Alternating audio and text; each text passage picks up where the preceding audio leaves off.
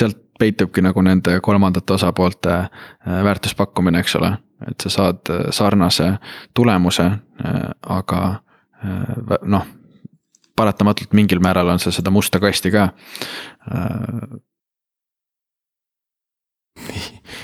ja musta kastiga see vend nüüd läks kaotasime oma külalise. külaline kukkus ära, vaatame, kas ta tuleb tagasi, ma salvestust pooleli ei jäta. Ja äkki ta liitub kohe tagasi. see, kes viimasena nalja teeb, teeb kõige parema nalja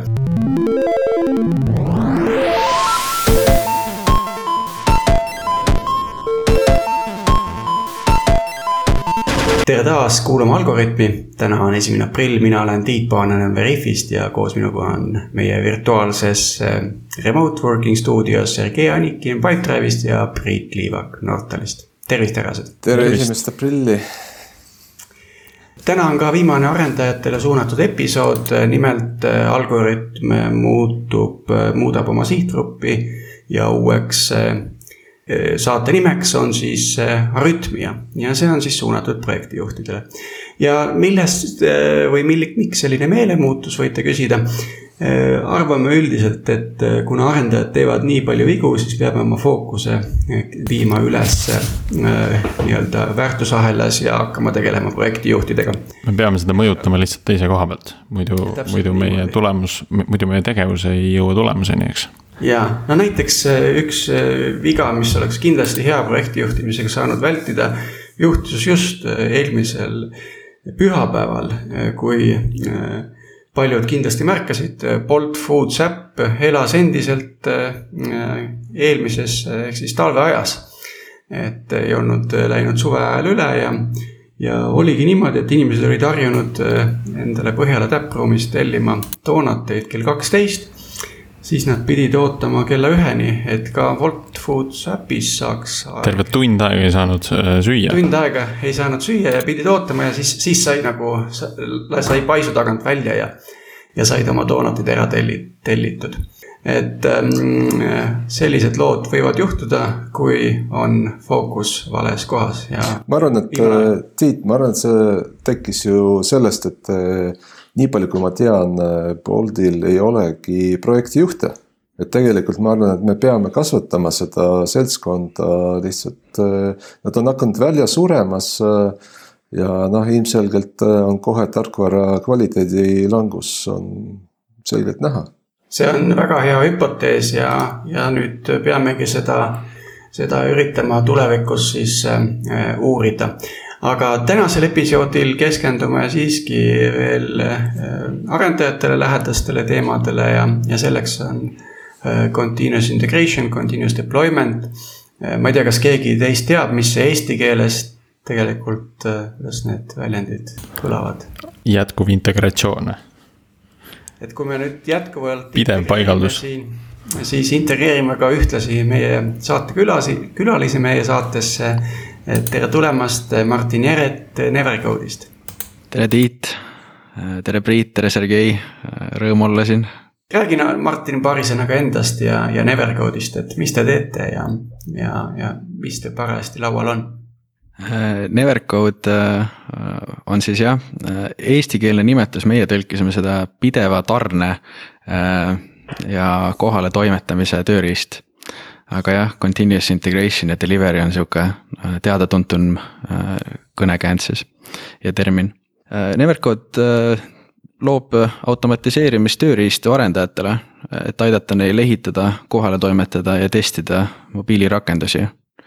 aga meie üks uusimaid tooteid, CodeMagic, aitab ka ehitada Flutteri rakendusi veebile ja desktop'ile ka ja siis neid ka vastavatesse, kas siis serverisse üles laadida või siis äh, staatilistele veebilehtedele näiteks. Mhm. ja Martin, mis on sinu roll Nevercode'is?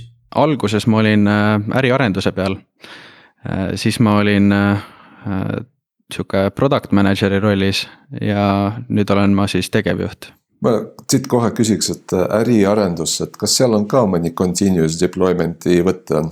äriarendus, continuous deployment, mõtled, et kui saame kliendi peale, eks ole, et siis äh, äh, lükkame kuidagi otselahenduse nendeni. vot ei ole minu teada. või teistpidi, teistpidi, et saame kliendi, ühe kliendi iga päev. või kümme klienti iga päev. kümme klienti laivi iga päev vot see, mulle tundub, et see langeb pigem toote rolli peale, et äriarendusel rohkem neid kliente sisse tuua. ilmselgelt see continuous deployment on selline noh, viimase, ma ei tea, viie-kümne aasta sihuke nähtus või, või trend, et eh, millal, millal teie hakkasite tegelema selle tootega, ilmselgelt oli turuvajadus, on ju, ja, ja, ja, ja miks, miks te võtsite just sellise ärimõtte endale? See CI-CD kui selline algas vist minu teada üheksakümnendate alguses, eh, kui selle kohta tehti paar eh, artiklit ja need esimesed tööriistad olid, äh, oli äh, Hudson, äh, kui teate. ja siis Hudson võeti Cloudbeese'i poolt üle ja tekkis Jenkins, mis on siis vabavaraline CI-CD tööriist. Meie Nevercode'iga olime kunagi osa Mobilabist Tartus, mis on siis mobiiliarenduse ja mobiilidisaini, äppide disaini agentuur ja kasutasime erinevaid build-süsteeme, kasutasime Eclipse'i seal, Anti, äh, kasutasime Hudsonit ja Jenkinsit ja see oli päris valus, valulik äh, neid äh, tööriistu kasutada.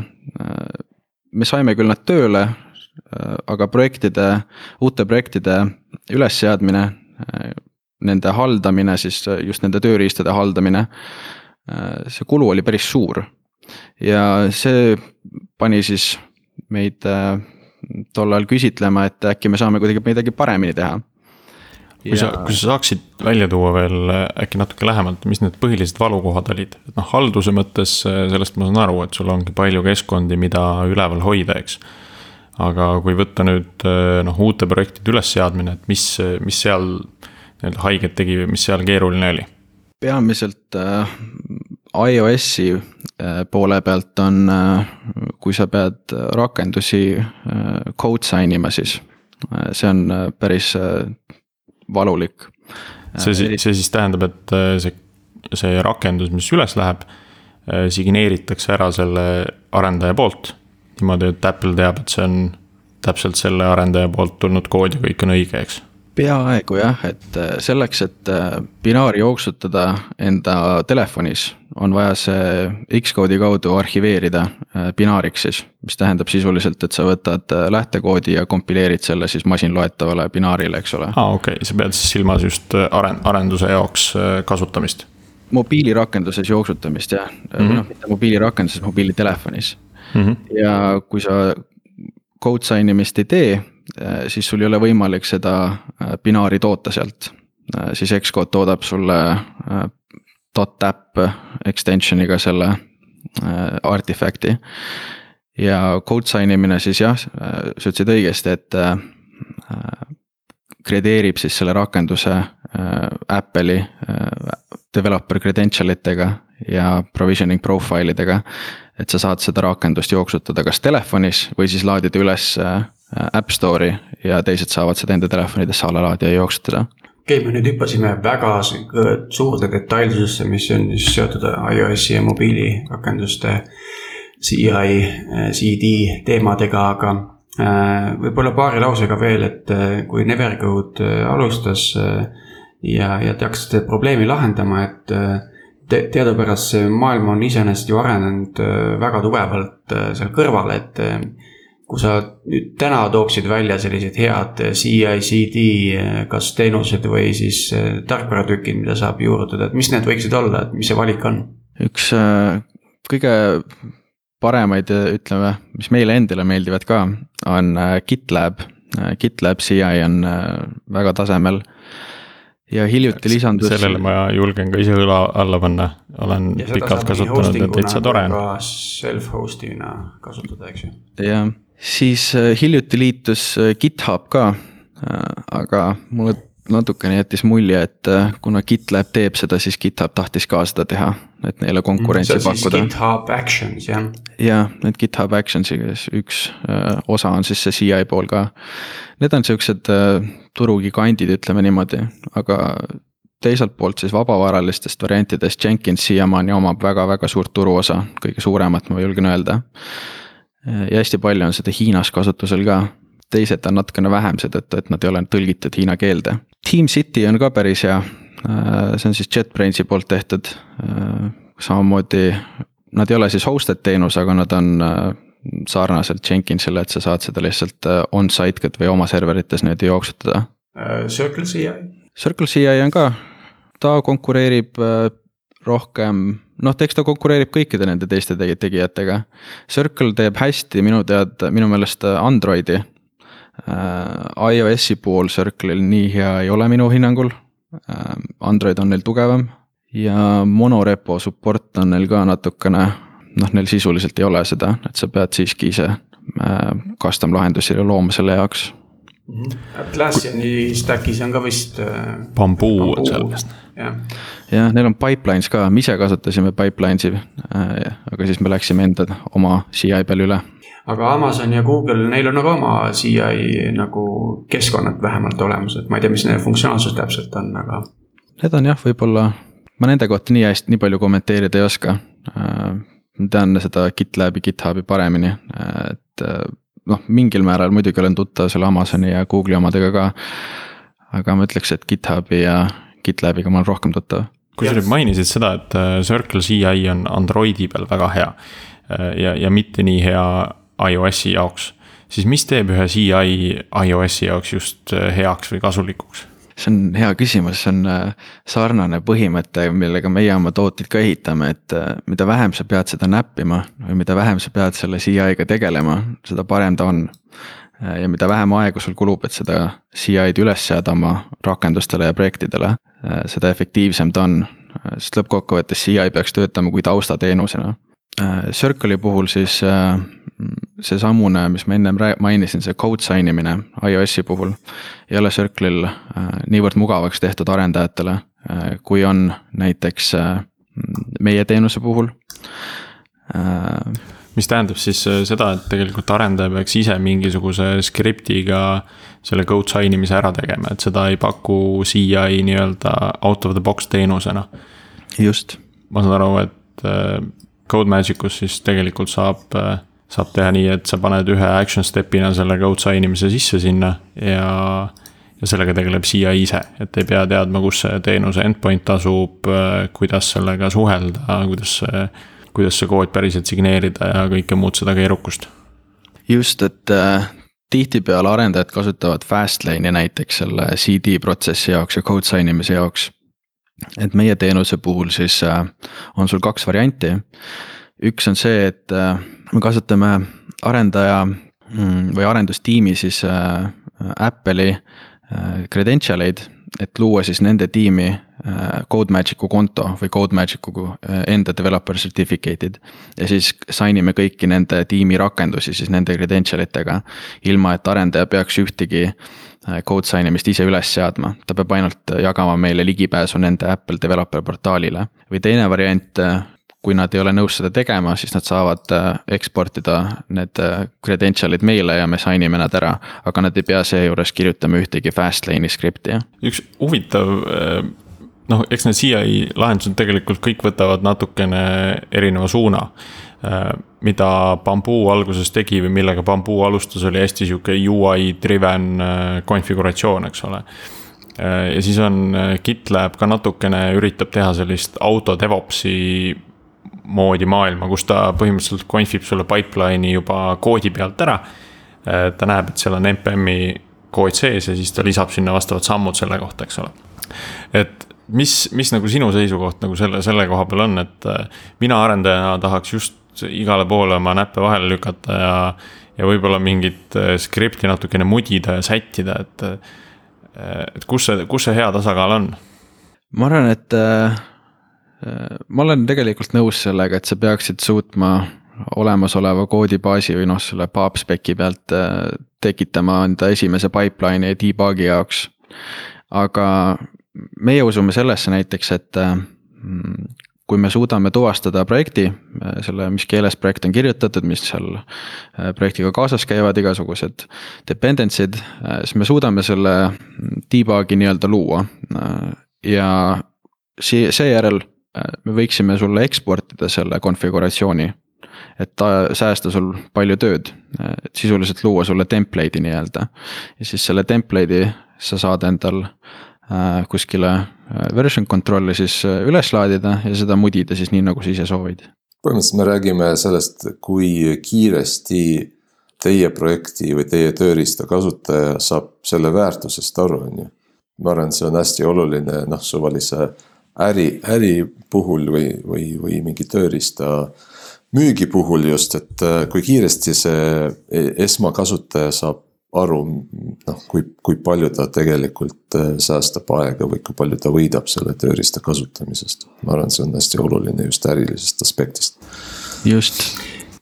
mul on selline küsimus, et kui sa nüüd vaatad, sul on kogemust arendajatega, kes on nagu, äh, kelle võimekus on ka, ütleme seal CI keskkondade CD automation'i osas nagu kasvanud, et kuidas see arengukõver on, et, et okei okay,, ma, ma pean kuskile oma rakenduse pildima, on ju. et aga tegelikult seal juures on terve rida muid asju, mida saab CI protsessiga nagu käivitada, juhtida, tagasisidestada, check ida, paralleelprotsesse teha ja nii edasi, et et kuidas see arendaja areng nagu välja näeb, et mis need etapid seal on, kui, kui nüüd mõelda lõpptulemusena selle peale, et see keegi, kes suudab nagu oma CI-CD stack'i lõpuni ise välja ehitada ja, ja, ja seda käimas hoida. et saad sa kirjeldada selle arendaja nagu nii-öelda seda learning curve'i või õpikõverat. et äh, kust ta tavaliselt nagu pihta hakkab, okei okay,, mul on vaja oma lahendus kuskil valmis pildida mm.. aga mis veel nagu seal CI-CD maailmas temal nii-öelda õppimist on või, või midagi mm -hmm. tal on vaja omandada? no algab kõik sellest, eks ole, et sa suudad seda rakendust ehitada äh, virtuaalses keskkonnas, mis on nagu puhas, mis ei ole sinu kodune äh, lokaalne masin. ja see on üpris lihtsaks tehtud see tänapäeval, no ütleme kõikide nende CI pakkujatega. sealt edasi on testide jooksutamine muidugi, et ja testide äh, tulemuste siis kohale toimetamine. see on ka võrdlemisi lihtne. meie näeme seda, et äh, kõige suuremad komistuskivid tulevad seal, kui seal on vaja hakata seda rakendust siis äh, poodidesse äh, laiali jaotama. see on seotud sellesamuse code signing uga kus need nüansid tulevad, kui lihtsaks või keeruliseks see protsess on tehtud. meie arvame seda, et see mm, CD pool mis on siis seotud igasuguste code sign imistega ja poodidesse jaotamisega, on meil nagu hästi lahendatud. aga keerukused tulevad võib-olla mängu näiteks olukordades, kus sul on ähm, dependency'd kuskil privaatsetes repositooriumites näiteks. Äh, või kui sa pead äh, krüpteerima teatud key'sid äh, ja jagama neid CI pakkujatega ja kui sul noh, üks asi, mis me tahaksime paremini lahendada, on näiteks äh, monorepo toetus, ehk siis äh, repositooriumid, kus sul on mitu projekti, eks ole. et kuidas sa siis ehitad neid äh, CI trigger eid või CI neid, mis siis käivitaksid sinu töösid või noh, CI job'e ehk siis, ehk siis see osa, mis saab aru, kuna päriselt on job vaja käima panna või pipeline käima vaja panna üks, üks puudus, mida ma täna GitLabil näen, on, on see, et seal on iga projekti puhul, noh, seal just see monorepo tugi võib-olla ei ole kõige parem. selle, selle tõttu, et igal projektil on oma pipeline, igal projektil on täpselt üks pipeline. ja kui ma tahaks sinna alla panna nii-öelda mono, monorepona äh, mitut projekti, kus võib-olla on veidi erinevad pipeline'id, siis äh, seda saavutada, noh, see eeldab mingisugust häkki tegelikult, et sul on üks suur pipeline, kus mingid ahelad lähevad eraldi käima mm. -hmm see tuleb jah sealt, et äh, kui sa võtad näiteks äh, hukist, äh, üritad trigger'it ehitada, eks ole. siis hukiga tuleb sul kaasa tihtipeale payload, kus sa saad selle informatsiooni kätte. et monorepo puhul sa tahad ehitada valikuliselt projekti, kui sa muudad faile konkreetses näiteks folder'is või konkreetses projektis, eks ole, sa ei taha ehitada kõiki oma projekte. sa tahad, kui sa muudad äh, ühte konkreetset projekti, siis sa tahad seda projekti ehitada. aga seda muutust on raske tuvastada, sest hooki kaudu sa saad seda tegelikult kuidagiviisi välja lugeda. aga näiteks API kaudu on seda natuke raskem teha. sest API-ga ei tule seda äh, payload'i nii-öelda kaasa ja see pole lihtne probleem, mida lahendada aga kuidas, kuidas täna CodeMagic liigub selles suunas, ma saan aru, et see on, see on backlog'is olemas, et monorepot paremini toetada on küll jah, et me näeme, et äh, me alustame nendest hook idest, et äh, siis, kui äh, meil on GitHubiga ühendus olemas, eks ole. ja meil tuleb webhook sisse, siis me suudame sealt webhookist välja lugeda selle, et mis projektis muudatus toimus. ja ehitada siis seda konkreetset projekti, et täna me suudame sul üles seada need projektid niiviisi, et me ehitame ühte konkreetset projekti monorepos aga me ei tee väga head tööd selles osas, et äh, kuidas sa saaksid mugavalt äh, selle, need trigger'id üles ehitada, et äh, noh. sul on võimalik näiteks tag'i kaudu öelda, et äh, okei okay,, et see, selle tag'iga ma ehitan siis seda projekti. Või siis sul on võimalik mingi commit message'is panna, peita midagi ära, mis ütleb siis, et okei okay,, et selline commit message ehitab siis sellist projekti Äh, aga see on natukene ebamugav ja see nõuab arenduses päris suurt distsipliini. et me näeme, et me saame seda paremini teha. Äh, aga see nõuab siis meie poolt investeeringut sinna, et äh, neid hukke nagu paremini ära tõlgendada siis. Kas, kas te muidu korjate mingit statistikat ka, et ma mõtlen, palju teil kliente on praegu, kes kasutab teie CI-CD-d? mingi kakskümmend tuhat äkki mis on see keskmine äh, nii-öelda reliisi tihedus? aa, see on mobiili, mobiiliäppide puhul see on erinev, see oleneb sellest, et äh, missugune, missugusest äridobeenist klient tuleb. Äh, kui me räägime näiteks startup'ist, tihtipeale, kui neil on äh, production äpp olemas, nad panevad üle nädala vahetevahel, teinekord. et ühesõnaga iga, iga teine nädal tuleb mingi uus no, versioon äpist. see läheb poodidesse jah, siis meil on näiteks inimesi, kes ehitavad äh, white label rakendusi. näiteks äh, hotellidele, et hotellides on äh, hotellid tahavad endale rakend-, mobiilirakendust, nad ei taha endale osta arendusmeeskonda, nad tahavad white label'i stiilis võtta mingisugust template'i, enda bränding peale panna. ja nüüd see, kes pakub neile seda, siis tema reliisib nagu väga tihedalt, eks ole. Äh, et see täiesti oleneb äh, äri, äh, äri nagu ärist endast siis nii-öelda. aga kas need white label lahendused, et see on sisuliselt sama projekt, aga lihtsalt mõned nii-öelda atribuudid on erinevad, on ju, ja siis sa saad, kuidas, kuidas teil see, kas igale labeldatud versioonile on oma pipeline või, või kuidas, kuidas nad teevad siis? jah, see nõudis, noh, me töötasime kliendiga koos, et aidata neil seda üles seada ja tegelikult see on päris lihtne, et nad äh, jah, sul on vaja iga selle uue kliendi jaoks oma pipeline'i, aga sa suudad seda automatiseerida. sest ainukene asi, mis sa sisuliselt muudad, on see, et sa ehitad erinevaid flavor eid siis ühest rakendusest, eks ole. et noh, see on neil endal olemas ja siis meie lihtsalt automaatselt loome sulle uue pipeline'i siis, kui seal tekib uus flavor. oota, aga sign ivad nad ikka ühes, ühe sertifikaadiga, oma sertifikaadiga? jah, jah, kui see oleks aga... teine, siis oleks raskem jah. kuidas see testimine on, et, et ma kujutan ette, et osa on automatiseeritud, nii palju, kui ma olen aru saanud, et mobiilirakenduste sihuke täisautomaatne testimine on ikkagi päris keeruline, et mm. -hmm. kas teil on mingid integratsioonid testimist keskkondadega või teenustega või, või kuidas see lahendatud on? mobiilirakendustel on jah, tihtipeale on seal unit testid. Äh, Flutteri rakendustel on veel sellised asjad nagu widget testid, mis siis äh,. Nad ei ole päris UI nagu selle UI testid, aga nad on siuksed UI ja widget testi või noh, UI ja unit testi vahepealsed. ehk siis ühe, ühe komponendi testid umbes. seal on natuke rohkem. seal on natuke rohkem, nad loovad sellise kummalise, nad ei ole, nad ei päris instrumenteeri rakendust, aga nad loovad sellise unit test'ist ühe level kõrgema nii-öelda versiooni rakendusest.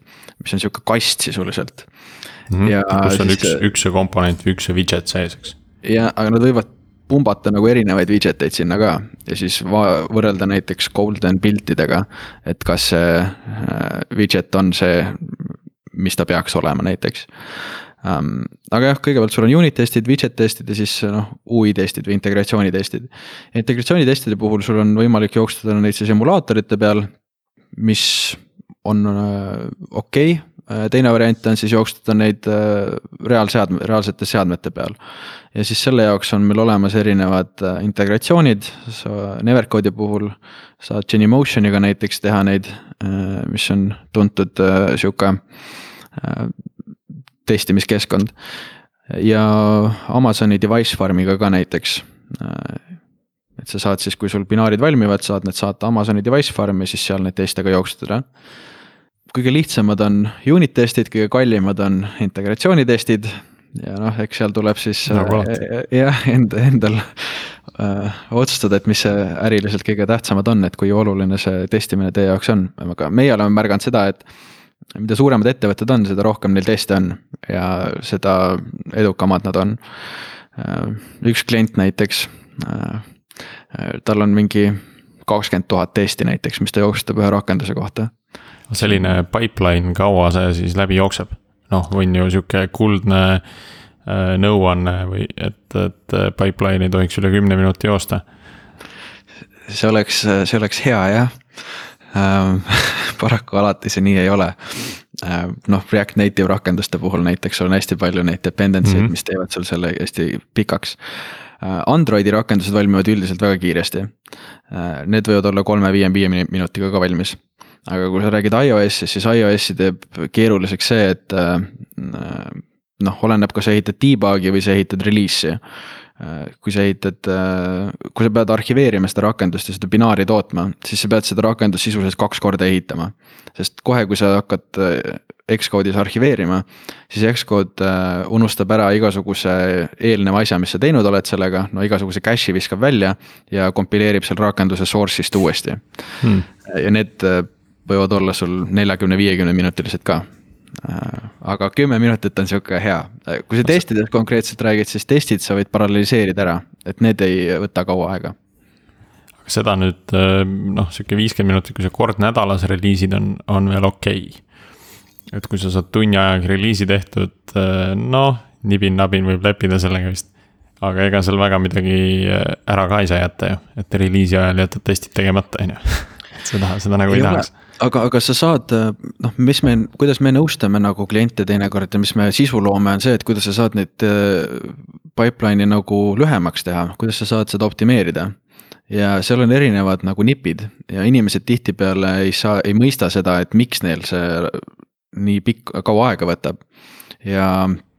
aga jaga, kui me võtaksime top kolm äh, viga või reha, mille otsa siis koperdatakse, et äh, millised need siis olla võiksid? Äh, kõige esimene on testid, kui sa suudad testidega selle pipeline'i juba varem sulgeda, enne kui see binaar valmis ehitab, see on üks koht, kust hästi palju aega võita. teine on see, et kui sa üritad nüüd konkreetselt. sa mõtled äh, siis seda, et kui testid äh, fail ivad, et siis sa lihtsalt.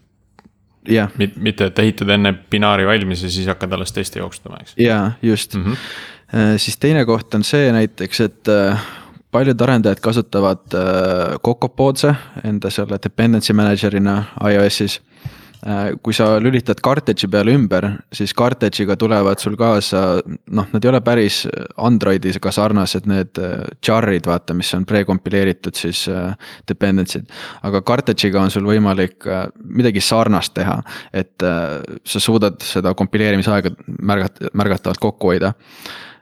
Poodsi puhul siis sa tõmbad source code'i alla ja siis kompileerid selle uuesti sisuliselt see on teine ja siis kolmas on seotud sellega, et äh, kui sa vaatad äh, kak-, kaks aastat tagasi, äh, kui Xcode kümme välja tuli, siis Apple tegi WWDC-s päris head ettekanded selle kohta, kuidas sa suudad enda seda pildi kiirendada või siis paralleliseerida, et varem ei olnud seda võimalust Xcode'is olemas. aga tänapäeval on tihti need su nendel skeemadel siis millega rakendusi ehitad, iOS rakendusi ehitatakse, on äh, circular dependency'd seal sees. Äh, mis tähendab seda, et sa ei suuda seda paralleliseerida, vaid sa pead kogu kremplit korraga ehitama. et kui sa suudad need circular dependency eid ja uued äh, target'id identifitseerida nende skeemadega. siis see aitab sul paralleliseerida oma kompileerimist ja siis seeläbi siis seda iOS-i kompilatsiooni kiirendada aga need, need on kõik juba hästi sellised äh, low level nipid, mida tegelikult saab ka arendaja enda masinas nii-öelda läbi testida, eks, et see ei mm -hmm. ole mhm. midagi, mis on CI spetsiifilist ei olegi, et see CI spetsiifiline, kuidas CI-d siis konkreetselt kiiremaks saada, see on rohkem nagu meie teha äh, kui CI pakkujana. et äh, meie katsetame väga palju erinevaid huvitavaid ägedaid asju.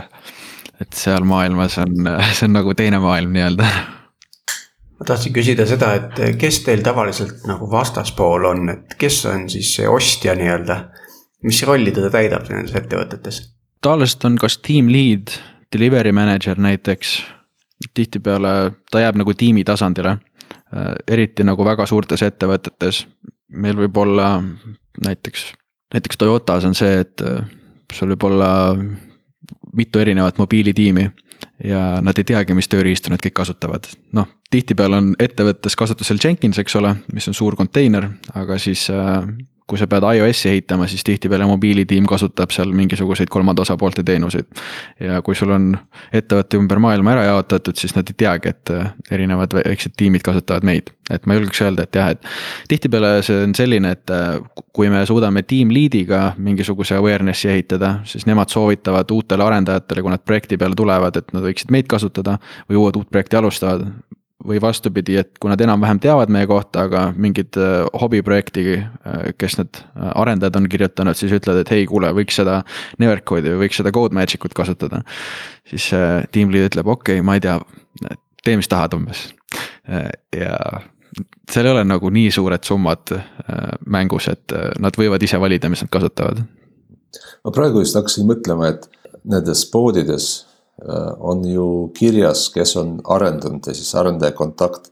et selles mõttes teil kliente äh, on suht lihtne ju leida, kõik kontaktid on olemas muudkui saadad email'e, et võtke, kas te juba kasutate Nevercode'i?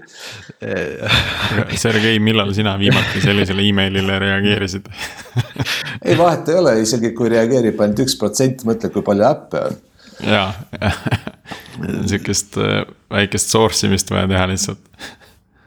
kuidas, kuidas te muidu nagu arendate oma äri, et äh, kus te kliente otsite?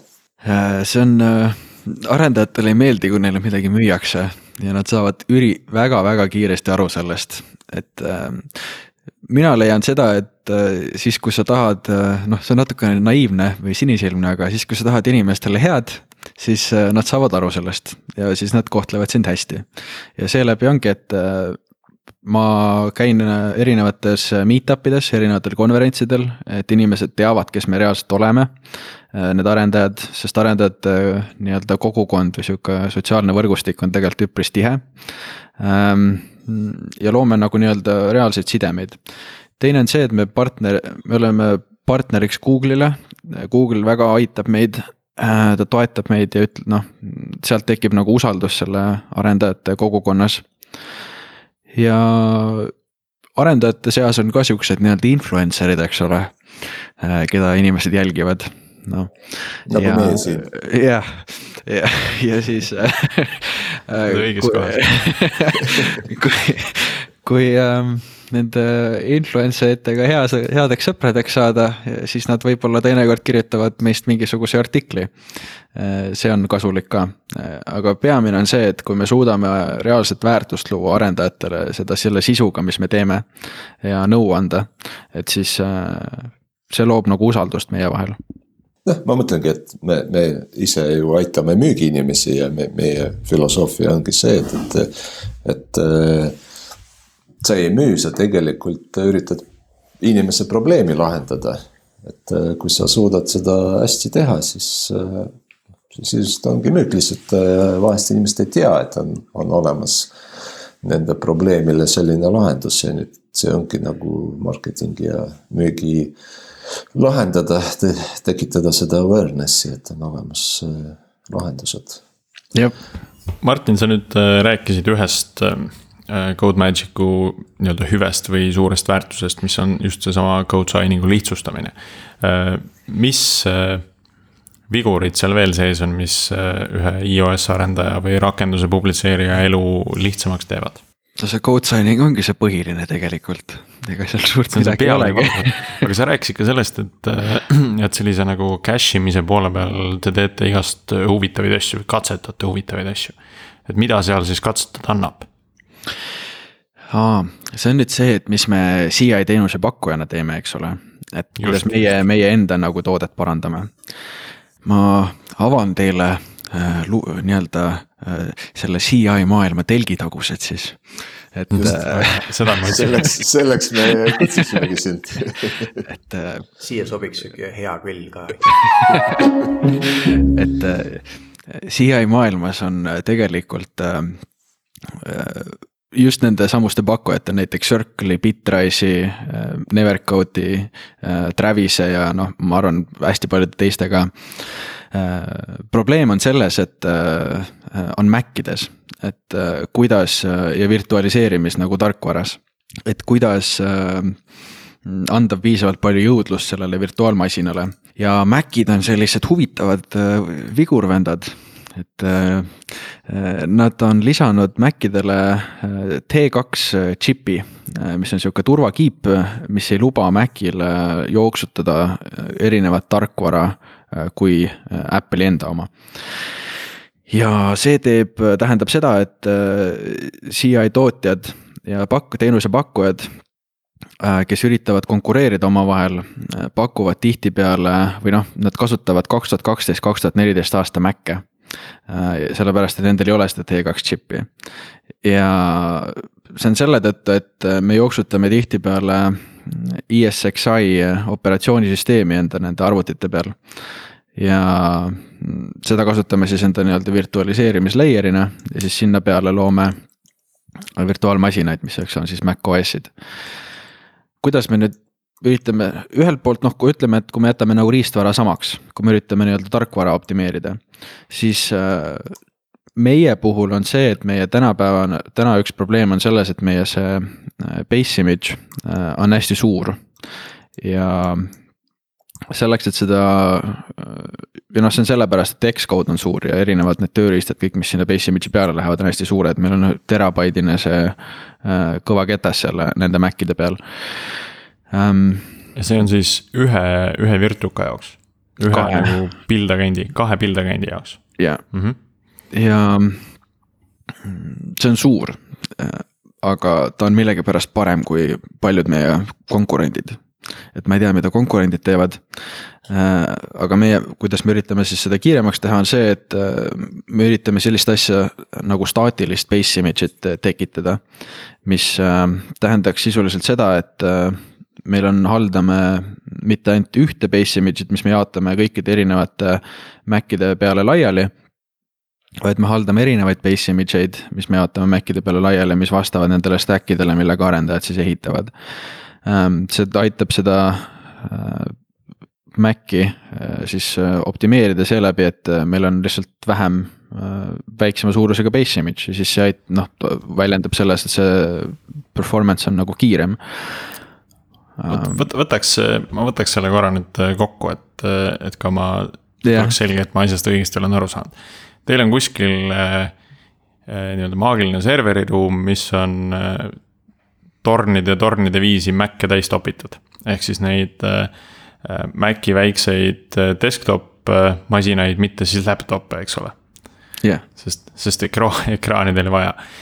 iga selle Maci peal on oma oss, mis võimaldab siis virtualiseerimist ja mm, -hmm. ja see jooksutab siis kahte build agent'i, mis mõlemad jooksevad Mac OS-i peal. jah. Yeah.. ja nüüd see, millest sa räägid, et, et te üritate sellise staatilise base image'iga või golden image'iga äh, neid, neid asju teha, see tähendab seda, et tegelikult iga selle Maci peal on väga paljude erinevate klientide base image'id või nii-öelda need, need setup'id olemas. Jah, et sisuliselt meil on universaalne base image. äh, ja ah, me okay. ja me liigume selles suunas siis või noh, mis me üritame teha, no meil peaks ammu juba tehtud olema tegelikult. aga startup'ina sa üritad kiiresti liikuda mm. -hmm. ja siis me üritamegi diferentseerida seda, et äh, mitte universaalse äh, selle Goldeniga, nagu sa ütlesid, ehitada, aga pigem siis äh, jaotada, distribute ida need äh, nüansid siis ära nii-öelda erinevate base image ite vahel. Erinevate Macide vahel, vabandust mm -hmm.. okei okay,, et see tähendab siis seda, et äh, kliendil vastavalt tema vajadustele noh, ta saab enda, enda pipeline'i ehitada siis teatud komplekti peal sellest äh, serveri pargist, eks, mis on yeah., mis on just tema nii-öelda tehnoloogilisele stack'ile optimeeritud, et seal on kõik see vajalik äh, materjal olemas. jah yeah et seal võib tekkida küsimus, et äh, miks me siis äh, ei kasuta näiteks mingit external storage'it, on ju.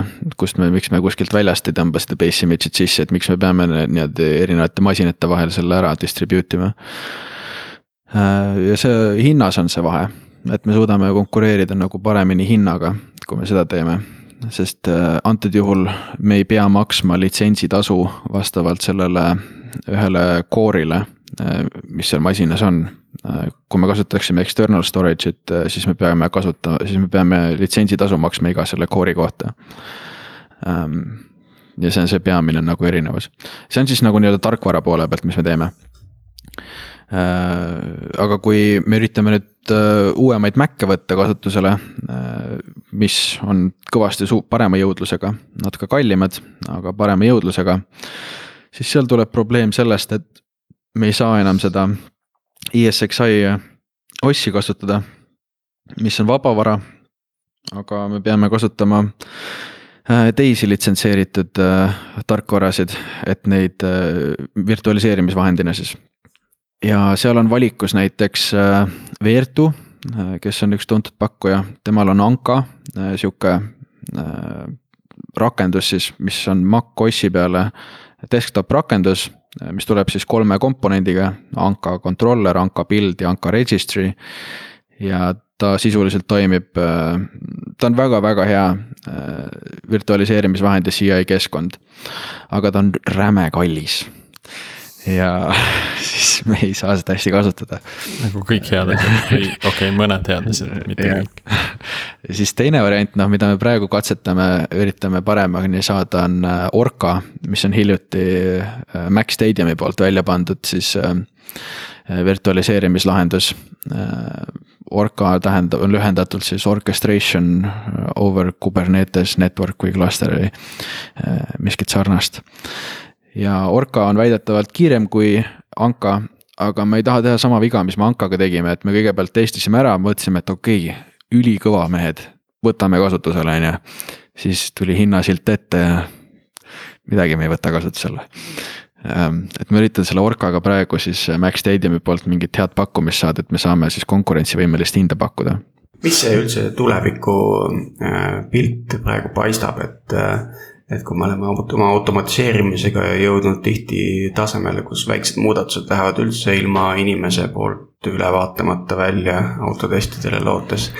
ja, ja me suudame ka rakenduse distributeerida poodidesse suht automaagiliselt ja ei pea väga sekkuma.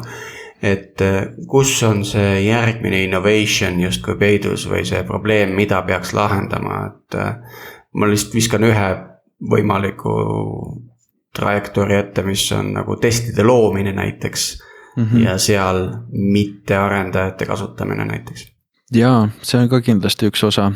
Äh, sellega tegelevad hästi paljud äh, ettevõtted ka.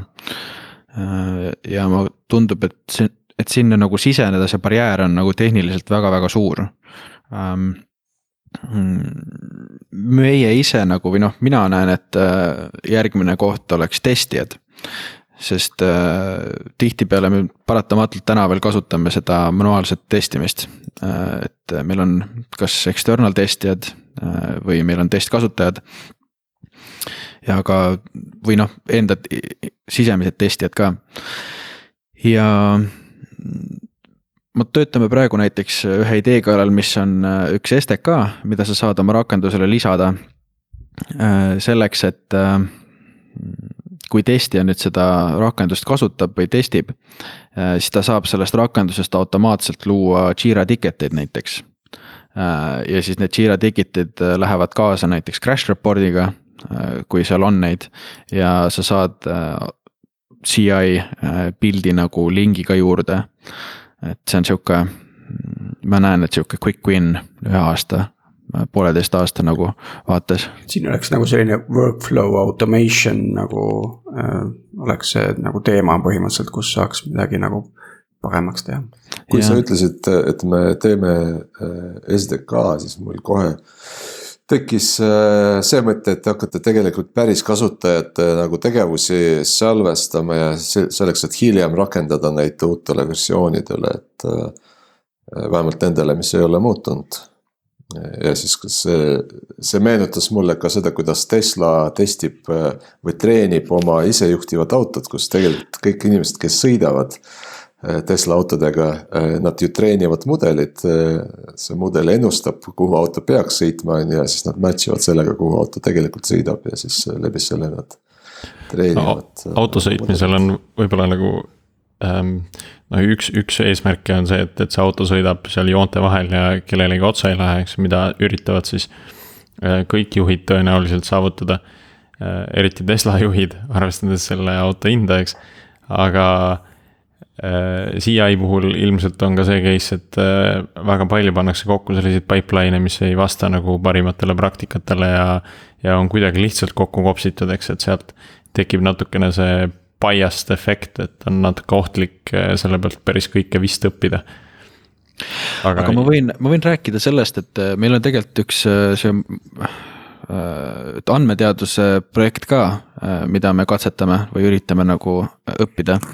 me hakkasime toodet arendama selles, selle kaudu, et me hakkasime rank ima error eid näiteks, mis kasutajatel tulevad.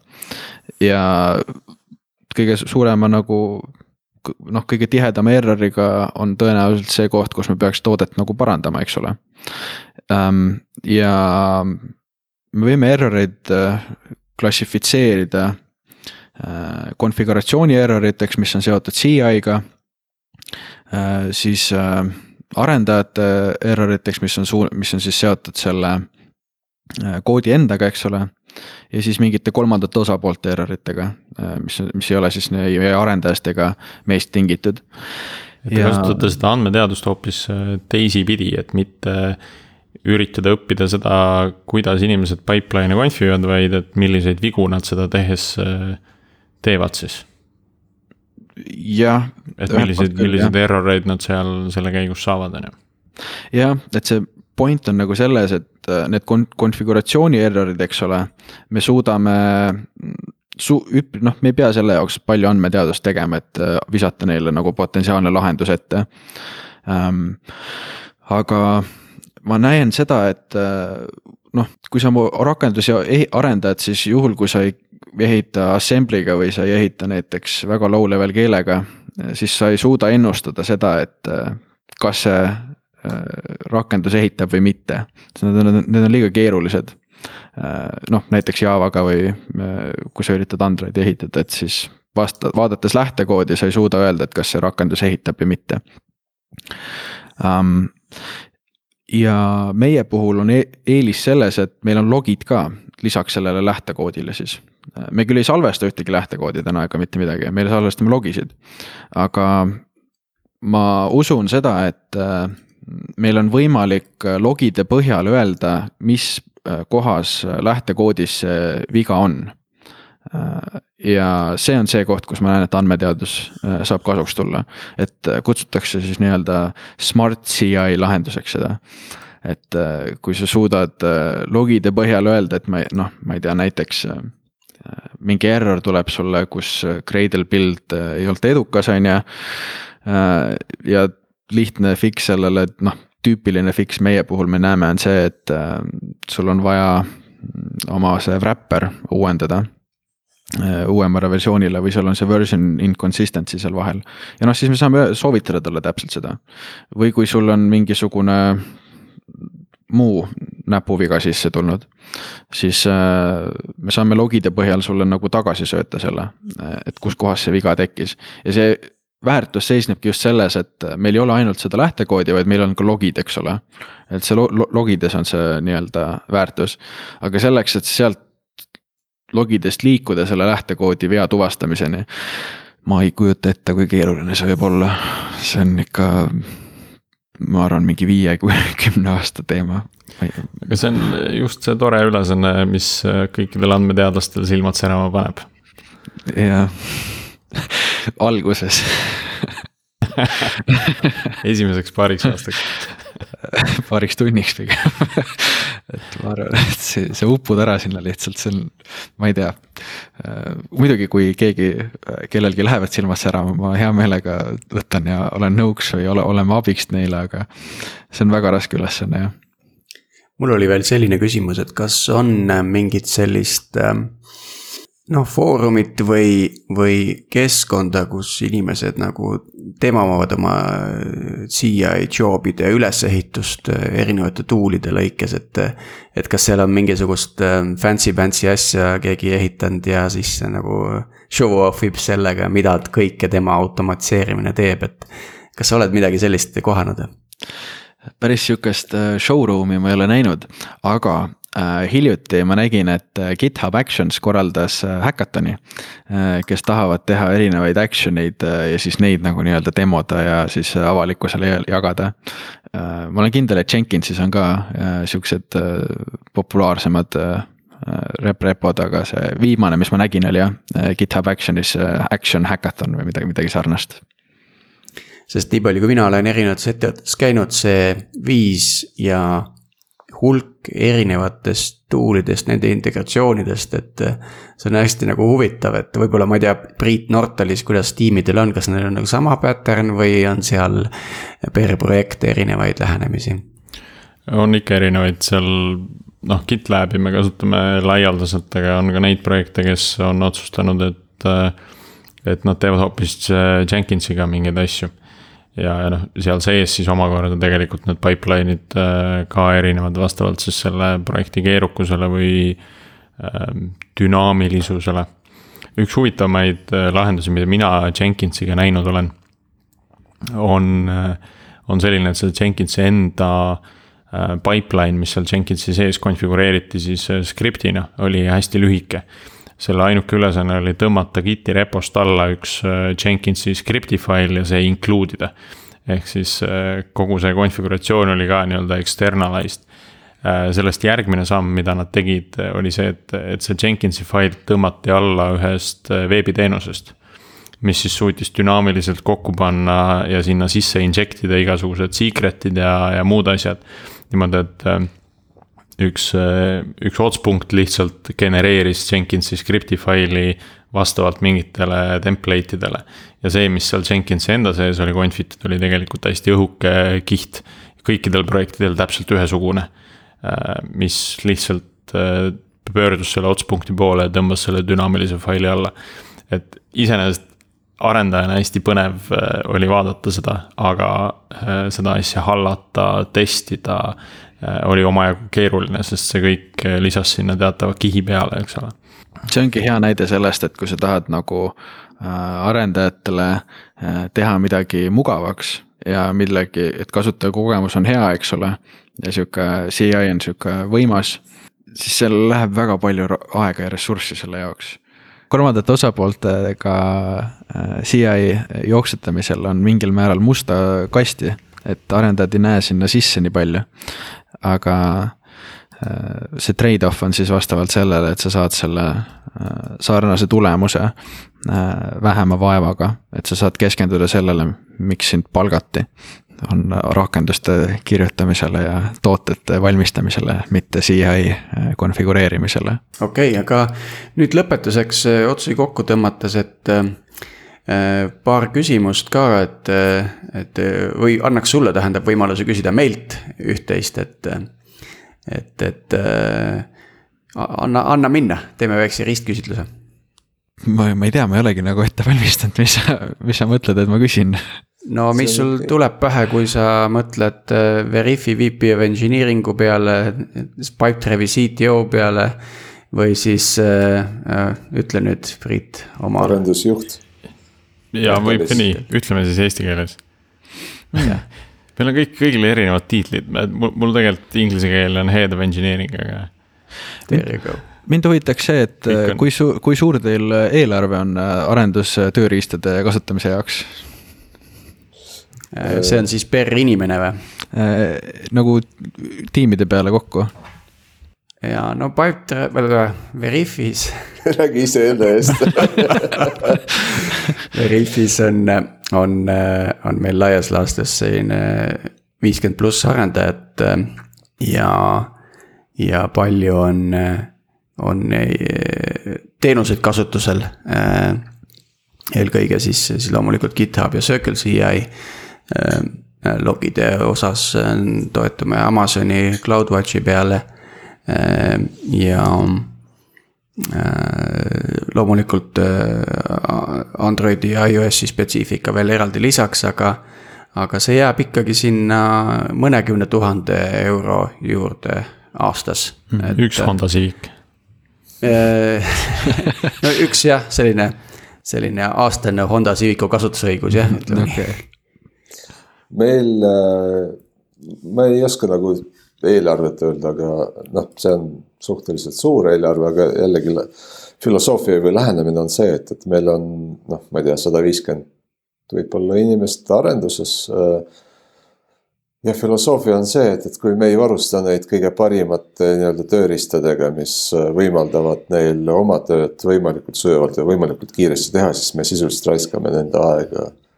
ehk et selleks, et kiiresti edasi liikuda, me peame kõik need äh, ootekohad või need äh, ära, kuidas see ingliskeelne on, waste on ju, et mm. -hmm et kõik need kohad, kus me raiskame aega ära elimineerima ja, ja.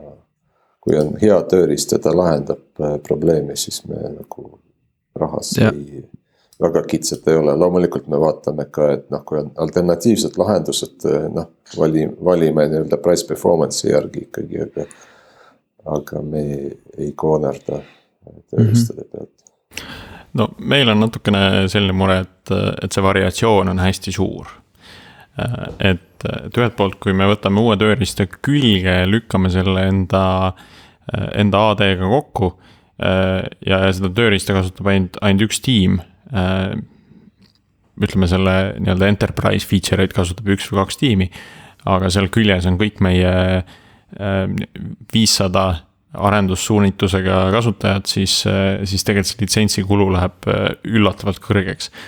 et, et see tegelikult loob natukene sellise situatsiooni, kus selliseid erilisi tööriistu, mis vajavad noh, nagu CodeMagic oleks, eks mm. -hmm et, et siis neid tellitakse just tiimipõhiselt ja, ja pannakse püsti nii-öelda tiimikontod, mis ei ole nagu ettevõtteülesed. Äh, mis omakorda loob natukene sellise silode olukorra, äh, mida sa ka kindlasti oled Toyotas näinud, eks.